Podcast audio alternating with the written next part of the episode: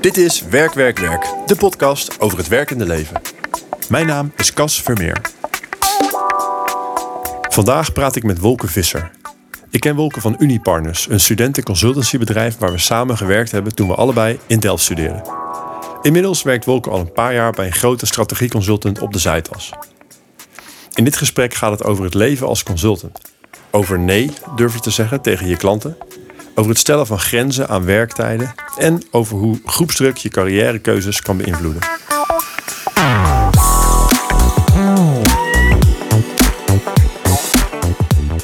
Hey Wolke, voordat we echt de diepte ingaan, ehm, misschien goed als jij je even kan voorstellen.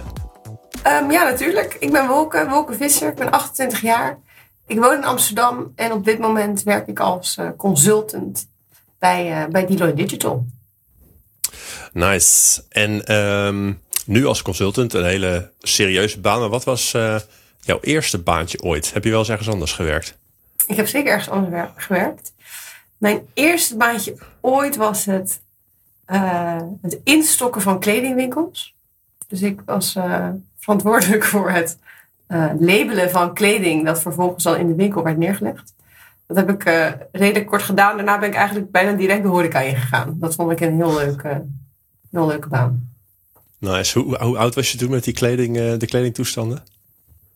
Oh, als ik zeg mensen 12 denk ik of zo, 13. Nou ja, nice. Kijk, vroeg begonnen. Je kan je carrière niet vroeg genoeg beginnen. Nee, precies.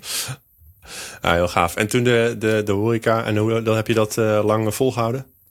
Nou, best wel lang eigenlijk. Um, nou, ik denk dat ik wel bij horeca ben begonnen toen ik, ik 15 was of zo, wanneer dat een beetje kon en mocht. Um, en dat heb ik eigenlijk ook heel mijn studententijd gedaan. Dus ik heb ja. altijd als, uh, in de bediening gestaan en ook als kort in de keuken. Uh, en dat heb ik eigenlijk de hele, hele uh, ja, middelbare school en mijn universiteit heb ik, ja, heb ik in de horeca gewerkt. Nice. Het is echt wel, ik hoor dat best wel veel mensen die dat doen en daar eigenlijk altijd heel positief op terugkijken. Want Ja. je leert daar volgens mij stiekem ook best wel veel van. Het is ook een hele, hele sociale baan eigenlijk. Ja. ja, dat klopt. Het is echt een, ehm, een baan waar je ook wel een beetje in diep wordt gegooid. Want elke keer heb je weer helemaal in de bediening weer nieuwe mensen. Mensen die misschien eh, nou ja, soms heel goed met je voor hebben, soms minder goed met je voor hebben, omdat ze het niet lekker vinden of zo, het eten. Ja. Eh, ja, dan moet je altijd staande houden om er wel voor te zorgen dat ze een best mogelijk avond hebben. Dus daar heb ik zeker veel geleerd. En heel veel plezier gehad. Je hebt altijd leuke feestjes. Nou, Nice. En, en had je in die tijd, ehm, misschien als tiener of zo, ook wel eens bepaalde dromen van een carrière voor later? Er is heel veel jongetjes die willen dan profvoetballer worden. Had jij ook dat soort wilde, wilde aspiraties vroeger gehad? Eh, nog geen profvoetballer. Ehm, maar wel, eh, ik wilde heel graag architect worden vroeger.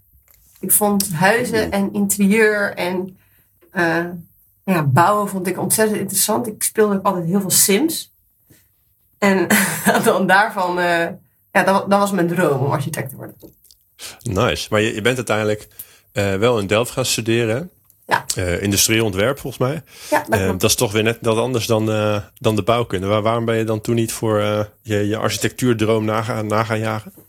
Ja, goede vraag. Ja, dat, ehm, toen kwam eigenlijk het rationale naar boven. toen ik naar Delft ging om daar te kijken op de universiteit, heb ik wel bij bouwkunde gekeken.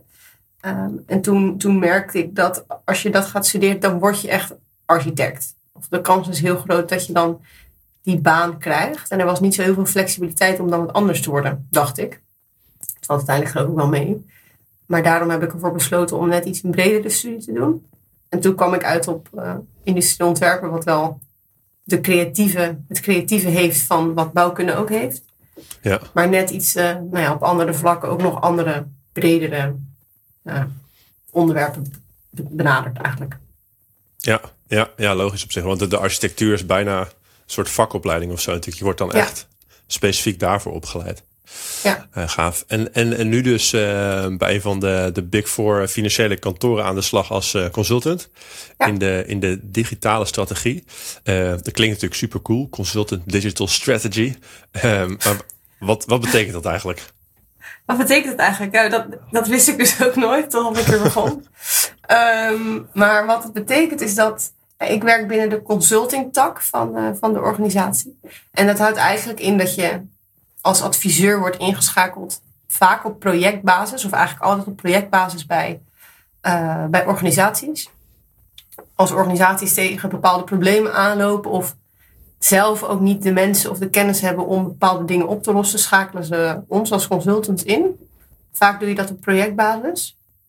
Dus dan ga je uh, nou ja, voor een aantal, bijvoorbeeld acht of tien of twaalf weken, kom je met een team binnen en dan ga je de klant helpen om, uh, om een bepaalde probleem op te lossen.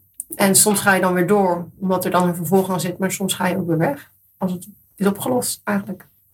En doe je die projecten dan uh, na elkaar, zeg maar, of doe je ook meerdere projecten parallel? Nee, ik doe op dit moment eigenlijk alleen maar projecten na elkaar. Maar het is wel zo dat je op den duur, um, hoe meer je manager wordt, zeg maar, of meer teams gaat leiden, oh, ja. is het zo dat je ja. vaker meer projecten tegelijkertijd doet. Dan word je wat minder inhoudelijk betrokken misschien op termijn. Ja. En dan heb je wat meer ruimte voor meerdere projecten. Ja, helder. Ja, en um, je zei het met, zo'n, met jullie team. Dus je doet dat meestal niet alleen, als ik het goed begrijp. Hoe, hoeveel ja. mensen ga je dan ongeveer zo'n project uh, in? Nou, dat, dat geldt dus ook echt heel erg. Ik heb projecten gedaan met twee mensen. Ik heb dus ook wel eens alleen gedaan. Maar ik zit nu met een project met acht mensen. Dus het is, het is heel verschillend. En er, gaan, er zijn ook programma's uh, van 50 of 100 man. Maar ja. meestal heb je wel eigenlijk een subteampje waarin je ja. de meeste tijd mee samenwerkt door de week.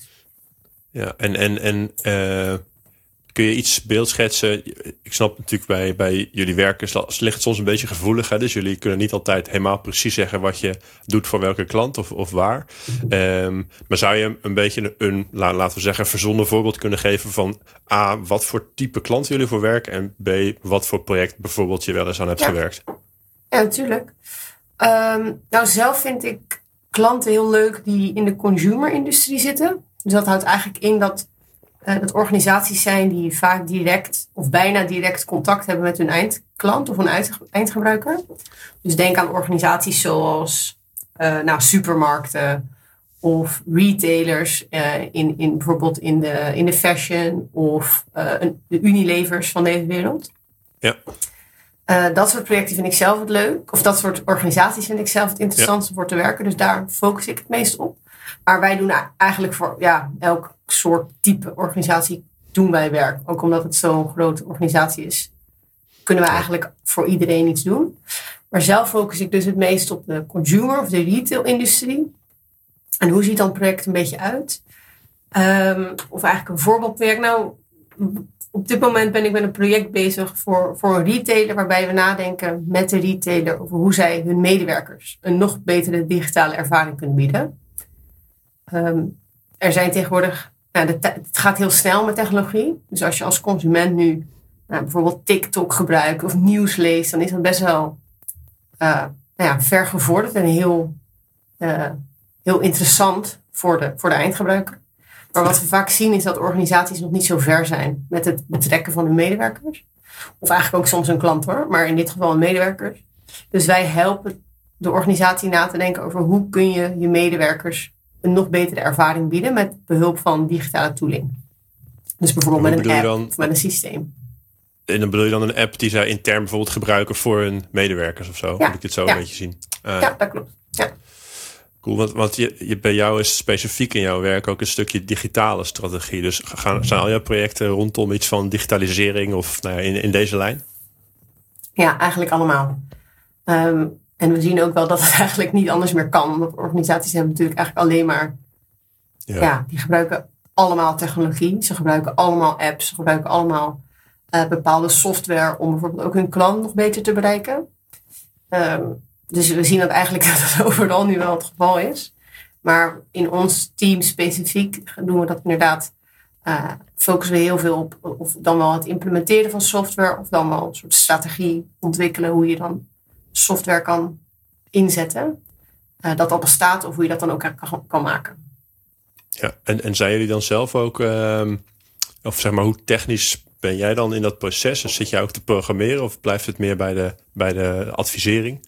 Ja, voor me, ik, ik programmeer zelf niet. Um, ik ben, ben, wel bij gesprekken over dan technische architectuur bijvoorbeeld. Uh, dus nu zijn we een app aan het, aan het uh, bedenken en dan heb ik wel gesprekken met de klant over oké, okay, hoe is jullie, ziet jullie technische architectuur eruit en hoe kunnen we die gebruiken voor het ontwikkelen van nieuwe apps. Um, maar zelf maak ik het niet. Ik ben iets meer aan de, de voorkant. Ik vraag mij niet aan te programmeren. Ik heb geen idee hoe het zou moeten. Dan, dan schuif jij de, het probleem graag door naar iemand anders. Ja, exact. Ja. Kijk, nou goed. Ieder zo zijn, uh, ieder zo zijn expertise natuurlijk. Um, helder. En, en um, je zei net ook al eventjes van... ja, als je op een gegeven moment wat verder in de organisatie zit... of je groeit in het management... dan krijg je een iets ander type baan misschien. Ja. Zou je um, kunnen schetsen van... Uh, stel je begint als uh, consultant bij jullie en uh, je zou dat tien jaar lang doen of zo. Wat zijn dan een beetje de. Voor, voor, zit daar een soort standaard journey, zeg maar, in? Ja, ik denk het wel. Ik denk dat dat voor heel veel consulting firms het geval is. Um, je, ja, je start als junior. En eigenlijk heb je, uh, meestal als je het goed doet, elke twee of drie jaar maak je wel een stap.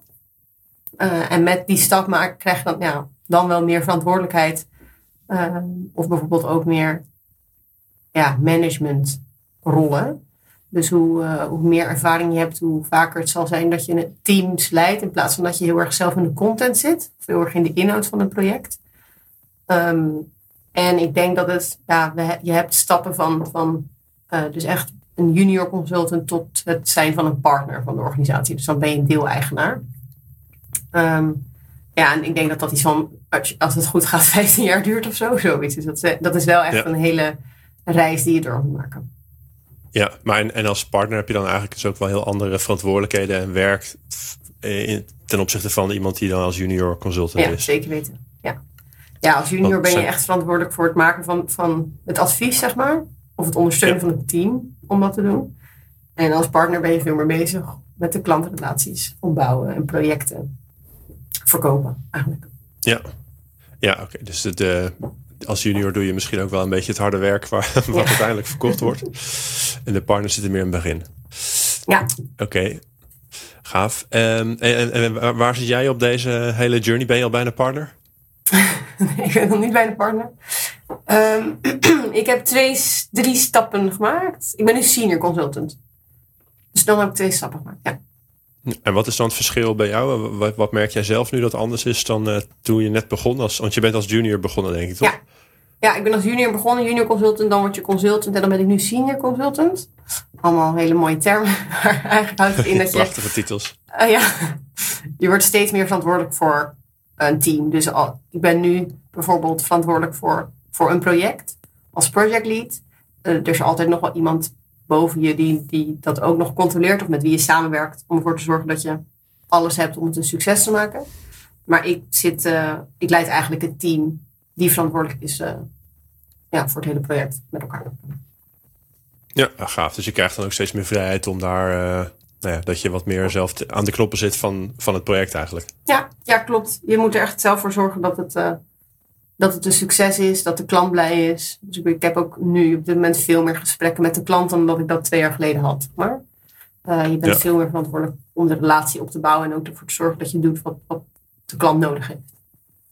Ja, cool. wat, wat, vind je daar, vind je dat, ja, wat vind je daar zelf van, die ontwikkeling? Vind je het ook leuker? Um, ja, ik denk het wel. Ik denk dat elke stap heel leuk en leerzaam is en ook nodig is om, om dit te kunnen doen. Vooral omdat als je uh, op den duur zoveel contact hebt met de klant, moet je wel weten waar het over gaat. Dus de achtergrond of het, ja, het leren van waar je het over hebt, dat kan alleen maar als je zeg maar, ook een junior positie hebt, want dan ben je alleen maar met, met de inhoud bezig. Um, maar nu vind ik het wel heel mooi, dat je een goede combinatie hebt tussen en leren over bepaalde onderwerpen, want je blijft altijd nog meer leren over bepaalde dingen.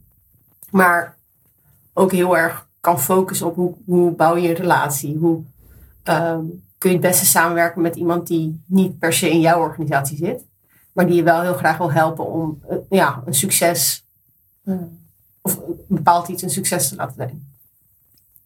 Ja. ja, dat is natuurlijk een hele andere, andere uitdaging ook. Ja, ja, ja. Nou, interessant. En het klinkt ook wel logisch dat je daarvoor de, ook het voetwerk zeg maar, moet hebben gedaan, zodat je die basis in ieder geval snapt en ook aan de Ja, klant kan, ik. eh, kan uitleggen. En, en als je als eh, consultant eh, begint, en, en misschien ook waar je nu bent, wat, wat, wat verdien je dan ongeveer? Um, ja, je verdient boven modaal. Um, en hoe meer je stappen maakt, ja, ja, dan, dan maak je ook stappen in je salaris. Dus ik denk dat ik nu ergens rond de 50k per jaar verdienen. Zoiets.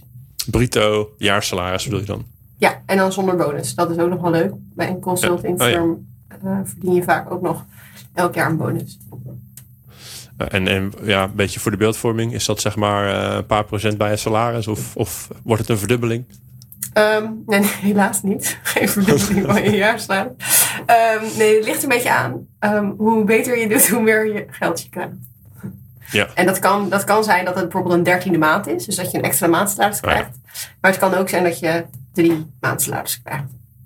Oké, dus dat is een beetje de range. Nou, dat geeft Ja. toch een, eh, Ja. een goed beeld. En heb je verder nog eh, auto's, laptops, reiskaarten, Oh. dat soort dingen? Eh, ik heb een laptop, ja. Ik heb een mobiel. En zelf heb ik niet voor een auto gekozen. Maar dat zou wel mogelijk zijn. Je kan een leasebak krijgen.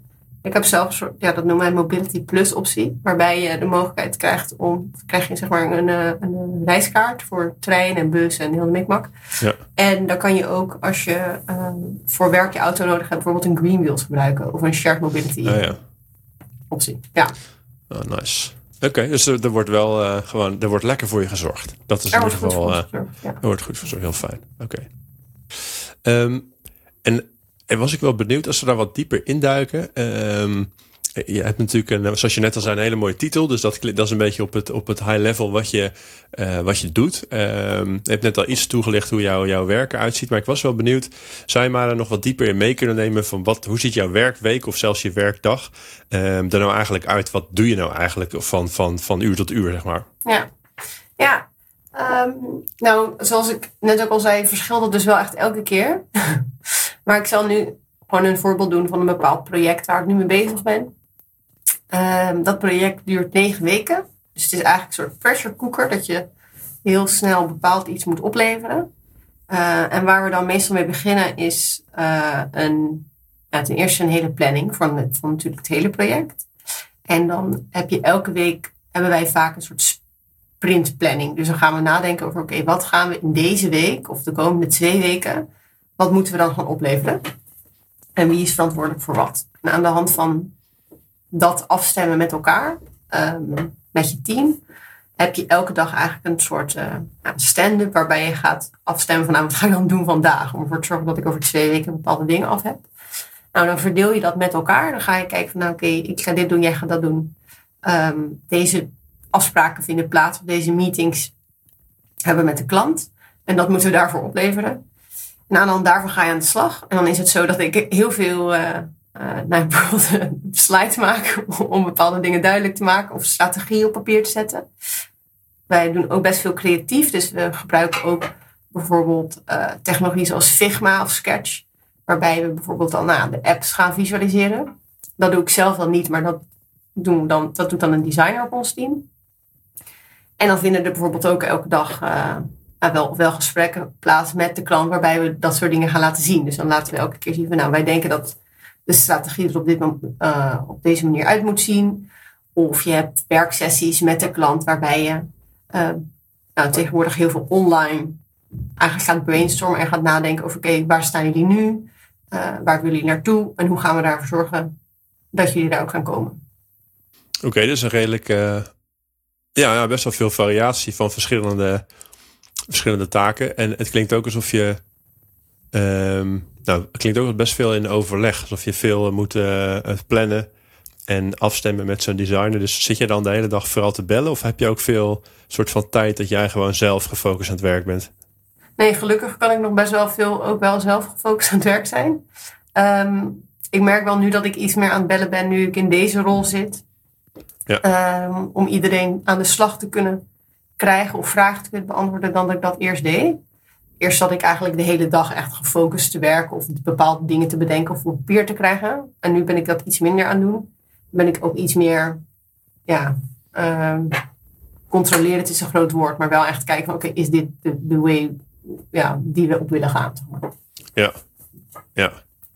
ja precies.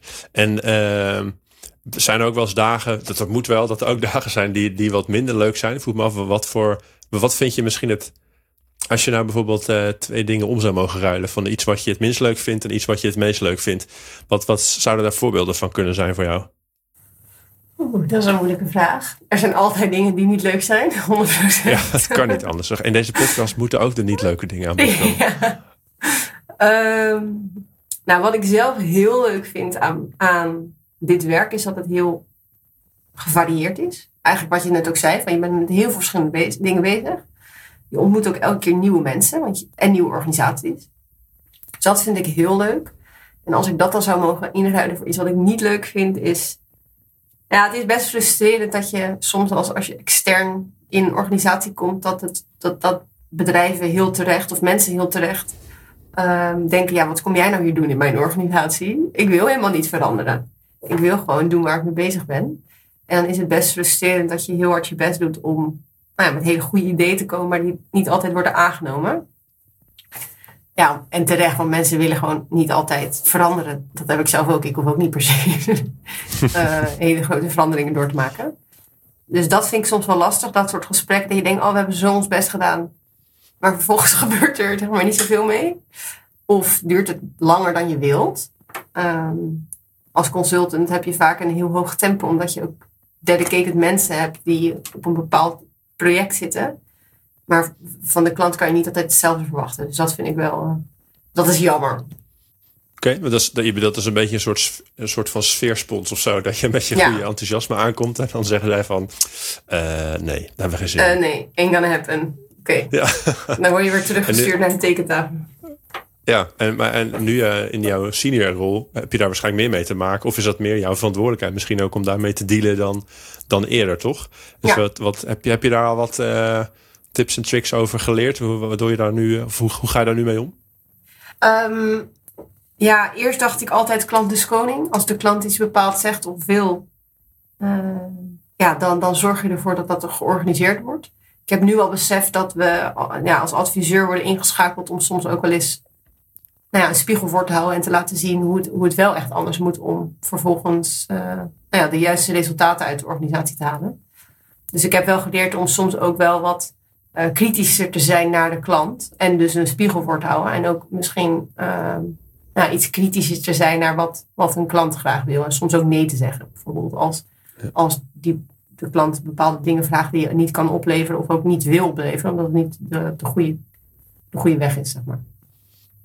En, en hoe, hoe werkt dat dan? Want uiteindelijk is dat ook de klant. En je, zoals je zei, je hebt een beetje dat dilemma. Want die uiteindelijk, ja, de klant is koning is dan dus niet helemaal waar. Maar de klant huurt jullie wel in. Ja. Ehm, dus komen jullie daar dan wel uit? Of zijn er ook klanten die zeggen van nou, dan, eh, dan hoeft het niet meer?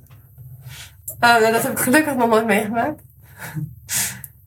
ik, weet, ik kan eigenlijk ook geen voorbeeld bedenken dat dat, dat, dat, dat ooit is gebeurd. Want uiteindelijk kom je altijd wel in het midden. Dus denk ik al voor, voor beide partijen dan een beetje water bij de wijn. Ehm, en natuurlijk heb ik ook wel dingen uiteindelijk dan gedaan. Terwijl ik alsnog dacht van nou, ik heb het geprobeerd om het eh, Ja. niet te doen. Maar uiteindelijk doe ik het dan maar wel. Want iemand wil dat heel graag. het moest Nou, maar, ja. Het moest maar, ja. ja. Dus het is een beetje, eh, een beetje puzzelen soms. Het is inderdaad een beetje puzzelen af en toe.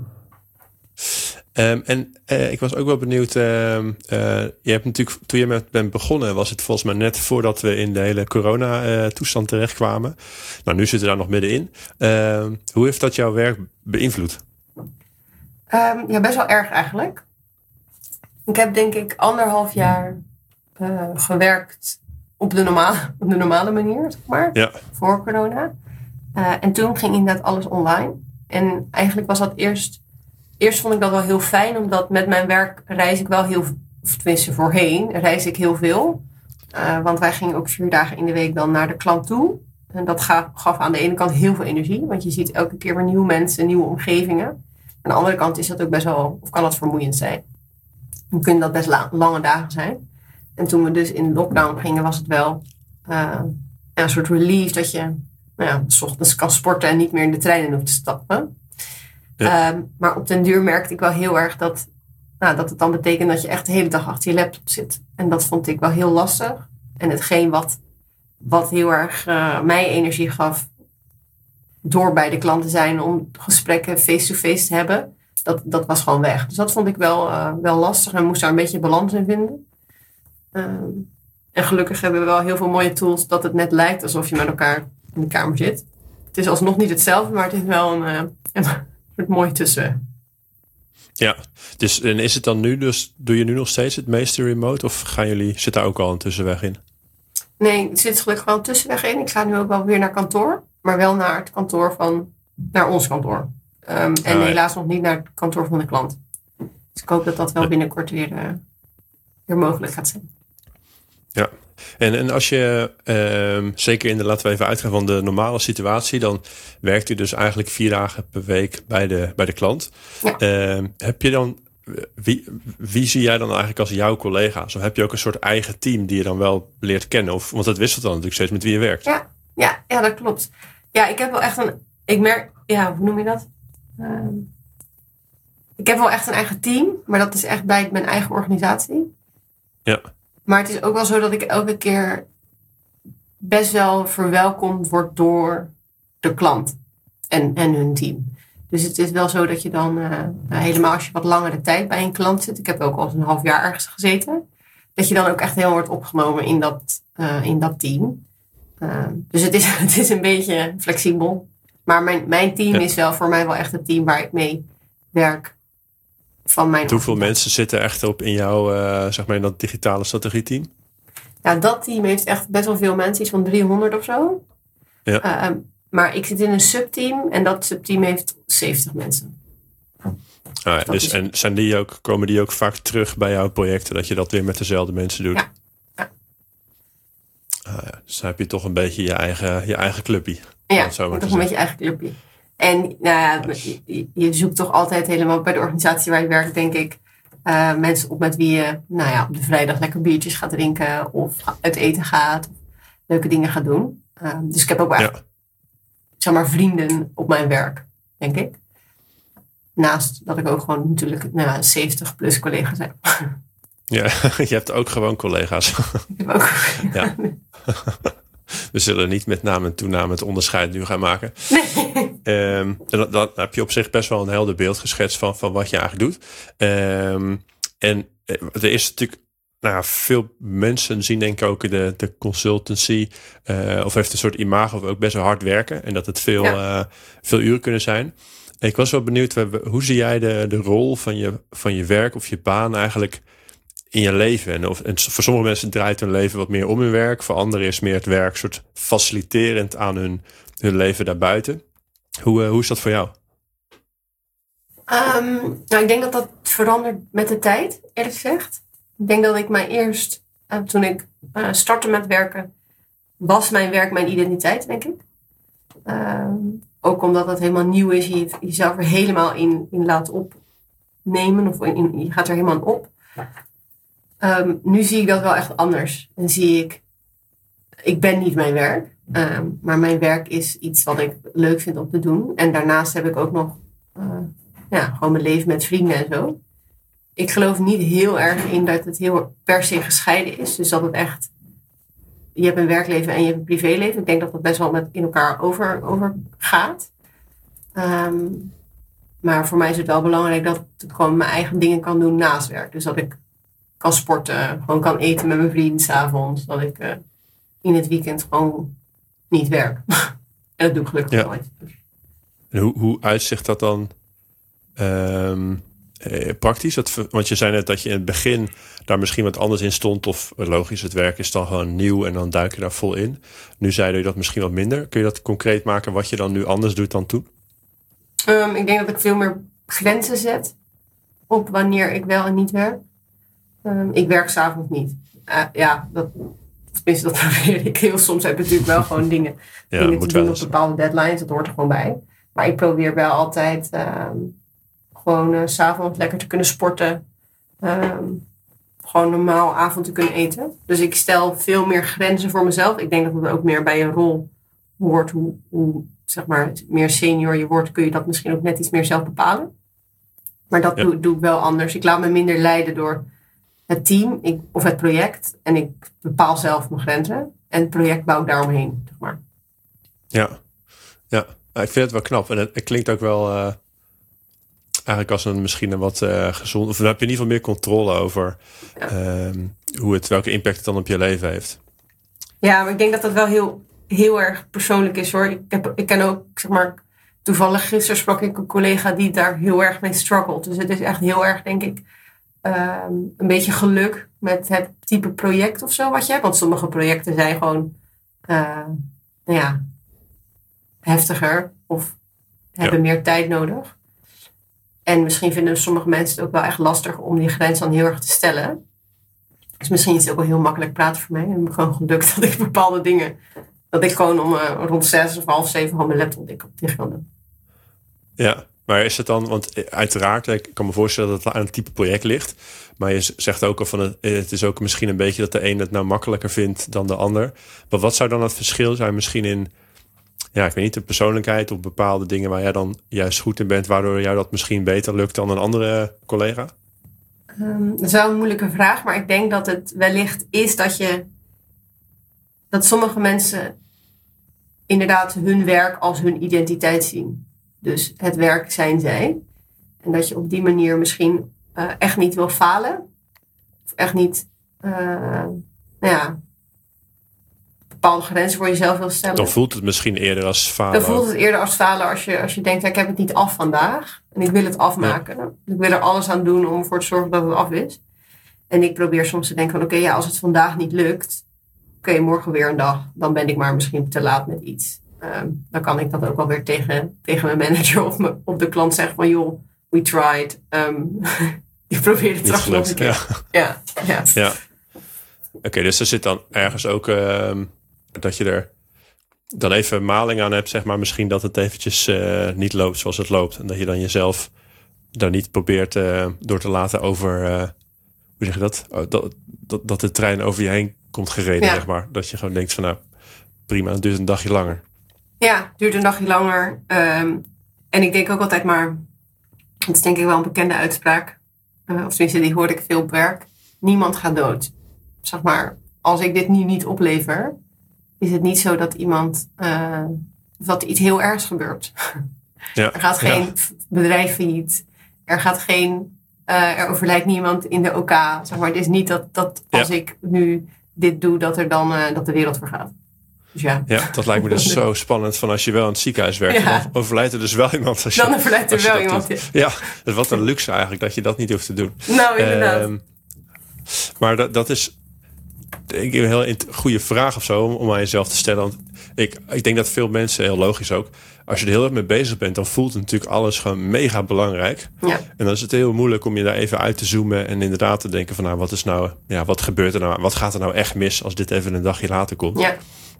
Um, ja, en, en hoe meer drukte op zo'n project staat, natuurlijk hoe moeilijker dat dan ook wel wordt. Ja, 100 procent. Um, ja, nou, heel, heel, gaaf om te horen hoe jij daar in ieder geval um, mee, mee, mee omgaat. Eh, want ik had er eigenlijk ook een vraag over, maar die heb je misschien ook al een beetje beantwoord. Van, ik denk dat veel, uh, zeker mensen die nog een baan aan het kiezen zijn, die studeren, die zien dan de, de consultancy en zeker bij zijn groot kantoor ook een beetje als een soort van prestatie om daar binnen te komen. Um, kunnen we het zo nog even over hebben. Maar daarna, als je dan eenmaal binnen bent, dan kan het ook een prestatie blijven of zo. Dat je ja. de hele tijd soort van uh, gevoel hebt dat je over een hele hoge lat heen moet springen. Uh, je, je, hebt daar natuurlijk nu al iets over gezegd, maar ik ben toch nog benieuwd. Heb jij dat ook zo ervaren? Of zie je dat misschien dat andere mensen dat meer zo ervaren dan jij? Um, ja, ik denk dat ik dat zelf ook wel zo ervaar hoor. Dit, dit is. Um, nou ja, hoe, dit soort organisaties is ingesteld, is eigenlijk heel slim. Um, als je elke twee of drie jaar een mogelijkheid hebt om een stap te maken, om meer verantwoordelijkheid te krijgen, uh, nou, meer geld te verdienen, hoog in de boom te komen, dan hou je continu die uh, ja, soort van ambitie of uh, doel. Je hebt continu weer een doel waar je voor kan gaan strijden om te gaan ja. bereiken. Nou, en als je dat dus elke keer hebt, ja, dan, dan blijf je elke keer proberen om dan wel jezelf te bewijzen of je inderdaad te bewijzen naar anderen. En dan, dan kan het denk ik wel zo zijn dat je denkt, oh ja, um, fuck, ja, ik ben nu weer heel hard aan het werk. Maar ja, ik krijg straks die promotie. Maar ja, een jaar later is het weer precies hetzelfde liedje. Dus ik denk dat, dat de ja. organisaties hebben dat heel slim bedacht. Uh, nou, om ervoor te zorgen dat jij gewoon ja, um, steeds beter je best blijft doen. Daar hangt altijd een soort wortel voor ja, ja, inderdaad. Je bent eigenlijk de hele tijd achter de wortel aan het rennen. Ik was ook benieuwd om, die, om het nog wat meer uh, ook naar jou te betrekken, hoe, die, hoe, hoe jij dat dan ervaart. En, um, want kijk, dat klinkt ook als een, uh, als een perfecte soort van uh, omgeving om jezelf volledig voorbij te lopen. En er is natuurlijk ook veel mensen die met, met burn-outs te maken hebben. Nou, dat klinkt alsof we daar ook een mooie plek in zou kunnen hebben. Uh, dus ik was daarom benieuwd hoe jij dan zelf met die daarmee omgaat. Of, of, of dat je daar ook uh, wel eens inderdaad de andere kant van die medaille van ziet. Ja, um, nou eerlijk gezegd denk ik wel dat het, als ik over mijzelf zou spreken, vind ik zelf het heel leuk om uitgedaagd te worden. Ik krijg daar energie van. Um, en ja, en, en ga dus eigenlijk natuurlijk dan harder rennen. Omdat ik denk, oh ja, leuk. Een nieuw doel, gaan ervoor knallen. En dat vind ik heel leuk um, aan, dit, aan deze baan. Um, ik denk wel inderdaad dat, dat het kan zijn dat, dat mensen hiervan nou ja, bijvoorbeeld een burn-out kunnen krijgen. Maar ik denk dat het meer is, eerlijk gezegd, wat er dan. Ja, nou, ik weet ook niet per se. Ja, ik heb nooit een burn-out in mijn omgeving gehad, in ieder geval op, op, op werk, gelukkig. Of nooit gezien van andere mensen. Maar ik zie wel dat sommige mensen het, uh, net iets makkelijker trekken dan anderen, omdat ze die bepaalde grenzen kunnen stellen voor zichzelf. Dus dan is die, die grenzen stellen gewoon een belangrijk onderdeel van je soort van verdediging, een beetje tegen het, het misschien ooit jezelf voorbij lopen. Ja, maar dat is veel makkelijker gezegd dan gedaan hoor, 100 procent. Um, ja. Omdat er dus, ja, ja um, als je baasje belt en zegt van, joh, ja, ik heb dit, dit is echt een super gave uitdaging. En dan denk je sowieso, oh wauw, oké, cool, daar ga ik aan knallen. En, en alles aan doen om ervoor te zorgen dat het een succes is, want ik vind het leuk. En dat is ook denk ik heel vaak het geval van, ja, oké, ja, ik vind het echt heel gaaf wat ik aan het doen ben. Ik leer heel veel, ik krijg heel veel verantwoordelijkheid. Uh, maar ik denk dat sommige mensen inderdaad dan denken, oh, oh jee, uh, na vijf weken knallen oeh, misschien ben ik toch wel wat moeier dan, uh, dan dat ik dacht. Ja. En gelukkig, of in ieder geval denk ik in heel veel organisaties, tegenwoordig wordt er dan ook wel echt over gesproken en over nagedacht. Ja, ja daar is natuurlijk wel veel meer aandacht voor, kan ik me voorstellen. Ja, ja. Nou, in ieder geval fijn dat, dat jij daar um, so far so good gewoon een goede coping uh, so far, so voor good. hebt. En dan is het ja, nou ja, goed, dat klinkt misschien dan negatief, maar. Um, en dan is het natuurlijk ook gewoon wel heel gaaf dat je elke keer die uitdaging opnieuw krijgt. Ja, zeker weten. Um, ik was ook wel even benieuwd. Um, je hebt natuurlijk, ging het er straks wel over over je studieachtergrond. Je hebt eerst industrieontwerp gestudeerd. Um, nou, dat, dat heeft uh, een hele creatieve inslag. Daar kun je eigenlijk ja, van allerlei dingen mee doen. Onder andere de consulting. Maar je kan natuurlijk ook veel meer in de echte ontwerpen richting op. Ik was wel benieuwd wat jou heeft gedreven destijds om uh, die consulting uh, in te gaan. Nou, ik ben er eerlijk gezegd een beetje ingerold. Um, tijdens mijn studie had ik eigenlijk altijd eerst nou, een bepaald stereotyp beeld voor me waar ik niet helemaal achter stond. Ik dacht, ik ga niet in consulting werken. Um, ik vond het op een of andere manier in mijn hoofd was het echt een hele erge wereld. Ik dacht, ja, wat doen ze daar nou eigenlijk? Een beetje lucht verkopen? of, uh, ja, wat, wat, ben je daar eigenlijk aan doen? Um, en toen ben ik er op een aantal manieren ingerold. Aan de ene kant heb ik tijdens mijn studie heb ik een soort ja, studentenconsultant firm mogen runnen samen met een team mensen met een, met een aantal mensen. En ik heb ook uh, met een bepaalde wedstrijd meegedaan tijdens mijn studententijd. Die mij uh, nou ja, met de organisatie. Best Graduates was dat toch? Ja, Best Graduates, ja. Met, met die uh, wedstrijd heb ik meegedaan. Um, nou, en toen rolde ik een beetje in deze organisatie. Omdat deze organisatie mij had ja, soort van uitgekozen voor, voor die wedstrijd. En toen sprak ik heel veel mensen daar. En toen dacht ik, ja, dit is eigenlijk helemaal niet wat ik dacht dat het was. Uh, is een groep hele leuke, slimme um, en ja, intelligente en gezellige mensen. En daar kan ik me eigenlijk juist wel heel erg mee um, identificeren. Dus toen dacht ik, nou, maybe let's try.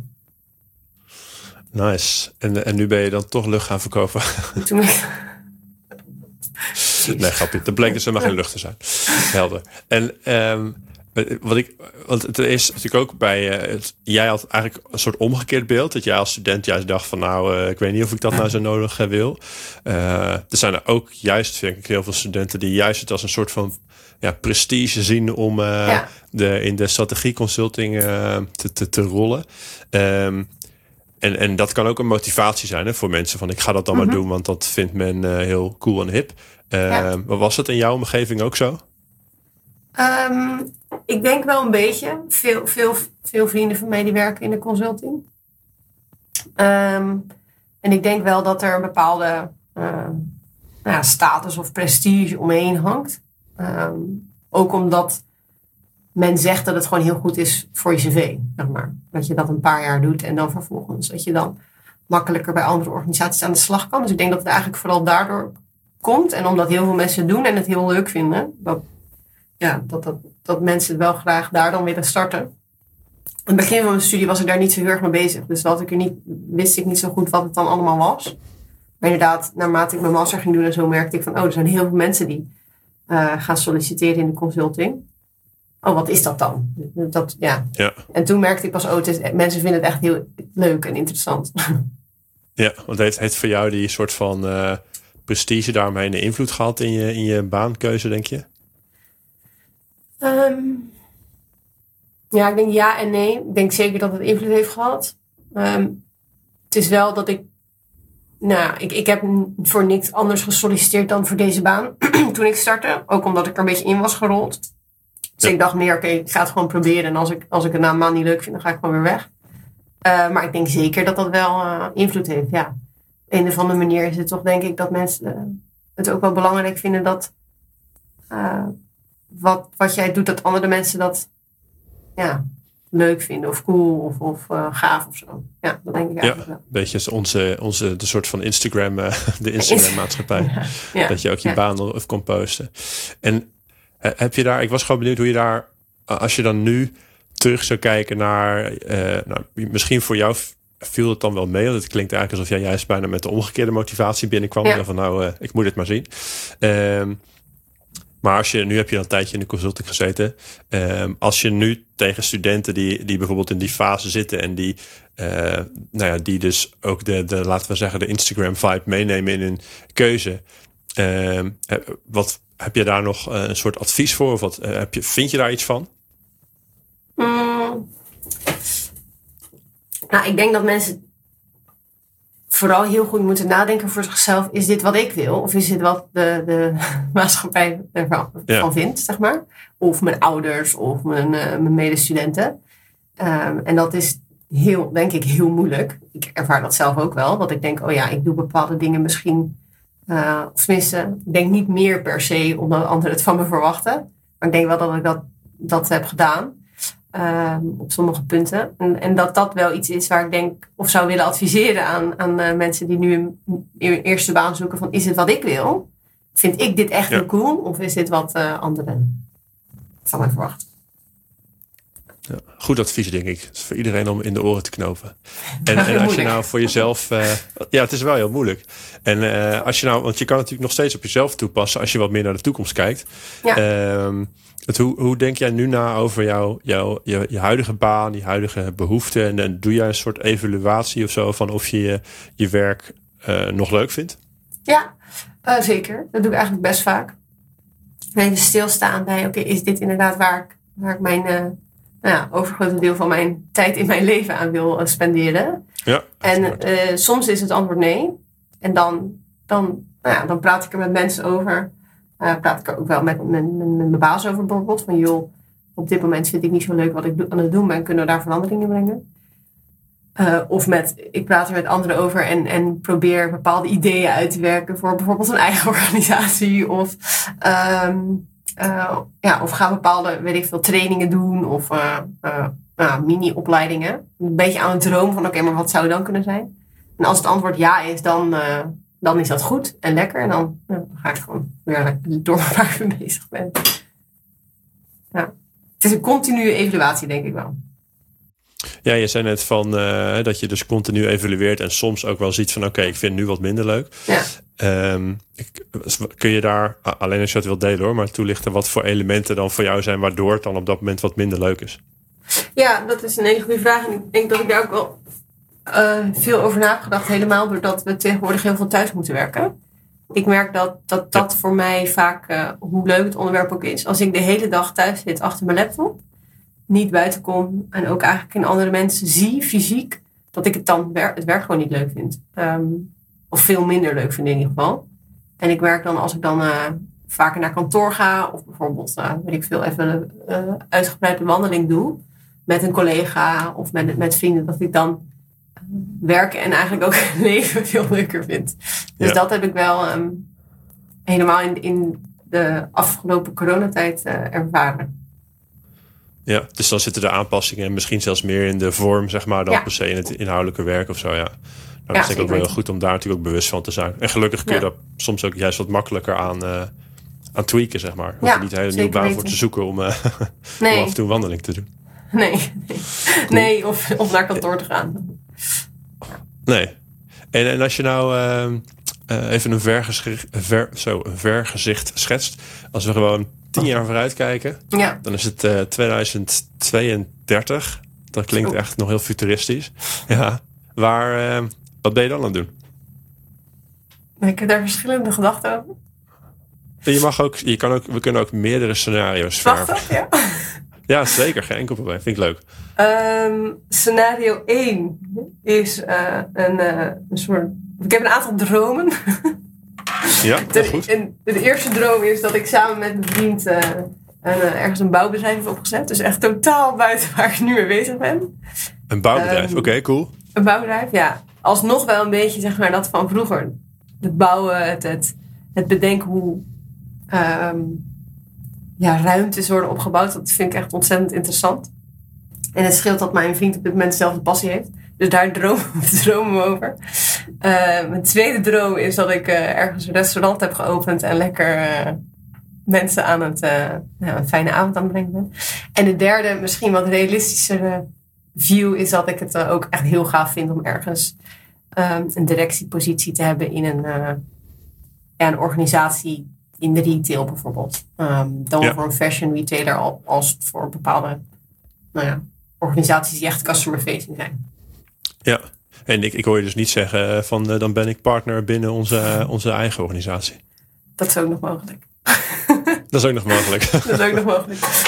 Um, ja, dat, dat, ja, dat zit nu niet in mijn droom, maar je weet nooit wat het, uh, ja. wat het gaat brengen. Twee jaar geleden wel, dus dat is een... Ja, het, het, kan veranderen. Het maar kan dat zie je in de consulting wel heel veel, toch? Omdat ook de, de organisaties zijn natuurlijk een beetje een soort van piramide. Dus er moeten ja. ook best wel veel mensen uit op het moment dat je hè, naar boven gaat. Um, en juist omdat je natuurlijk bij zoveel organisaties over de vloer komt, kan ik me voorstellen dat je ook, uh, ja, dat er elke hele mooie kansen zich voordoen om uh, dan ergens te blijven hangen. Ja, dat denk ik wel, ja. ja. Ik ben heel benieuwd, Wolke. Ik kom heel graag over tien jaar uh, ofwel uh, in je restaurant eten of bij je, bij je, bij je bouwbedrijf met zijn helm op. Kom ik dan even langs. Of, uh, we kunnen een huis voor je bouwen, als je wil. Ja, dan kun je een huis voor me bouwen. Of je wordt de directeur van het volgende bedrijf. Uh, afsluitend had ik nog de vraag. Als je naar jezelf ten tijde van, zeg maar, begin 2018 toen je nog aan het afstuderen was. Als je jezelf op dat moment nog een carrièreadvies zou mogen meegeven. Wat, wat zou dat dan zijn? Um, just go with the flow, eigenlijk. Jezelf niet te druk maken. Jezelf niet te druk maken? Nee, het komt allemaal als het komt. Het klinkt misschien een beetje uh, spiritueel of makkelijk, maar ik geloof er eigenlijk echt in dat als je gewoon dingen doet die je heel leuk vindt, dat het vanzelf uh, allemaal goed komt. Niet te veel de druk opleggen. Precies, niet te veel aan je toekomst bouwen en zo, misschien maar gewoon doen waar je zin in hebt. Ja, doe waar je zin in hebt, wat je leuk vindt. Uh, daar hoort soms ook uh, hard werken bij. Soms werkt daar minder hard werken, hoort daar minder ja. hard werken bij. Maar vooral genieten. Want ja, je hebt maar, je hebt maar, je hebt maar één leven, zeg maar. Dus doe wat je leuk vindt. Ja, je hebt maar één leven. Maak er goed gebruik van. Maak er goed gebruik van, ja. Ja, Nou, dat is een heel mooi advies, denk ik. Ehm, en tot slot, als mensen jou ehm, nog willen bereiken uh, of nog iets willen vragen, kunnen ze jou op LinkedIn gewoon vinden. Wolke ja. Visser. Ja. Ehm, dus uh, langs die weg. En dan wil ik je voor nu uh, enorm bedanken. Ik denk een heel mooi gesprek. En ik verwacht dat ook de, de, de, het luisterend publiek er veel aan heeft. En dan nou, tot, tot over tien jaar in het restaurant. tot over tien jaar. Dankjewel. Bedankt voor het luisteren naar deze aflevering van Werk, Werk, Werk. De podcast over het werkende leven. Op de website werkwerkwerkpodcast.nl vind je een samenvatting en links naar bronnen uit dit gesprek. Ook kun je je daar aanmelden voor de nieuwsbrief, zodat je nooit een aflevering hoeft te missen. Daarnaast hoor ik heel graag wat je van deze aflevering vindt en wie ik nog meer zou moeten spreken. Laat het me weten in een review in je favoriete podcast-app of stuur een berichtje via de website werkwerkwerkpodcast.nl. Dankjewel. Bye.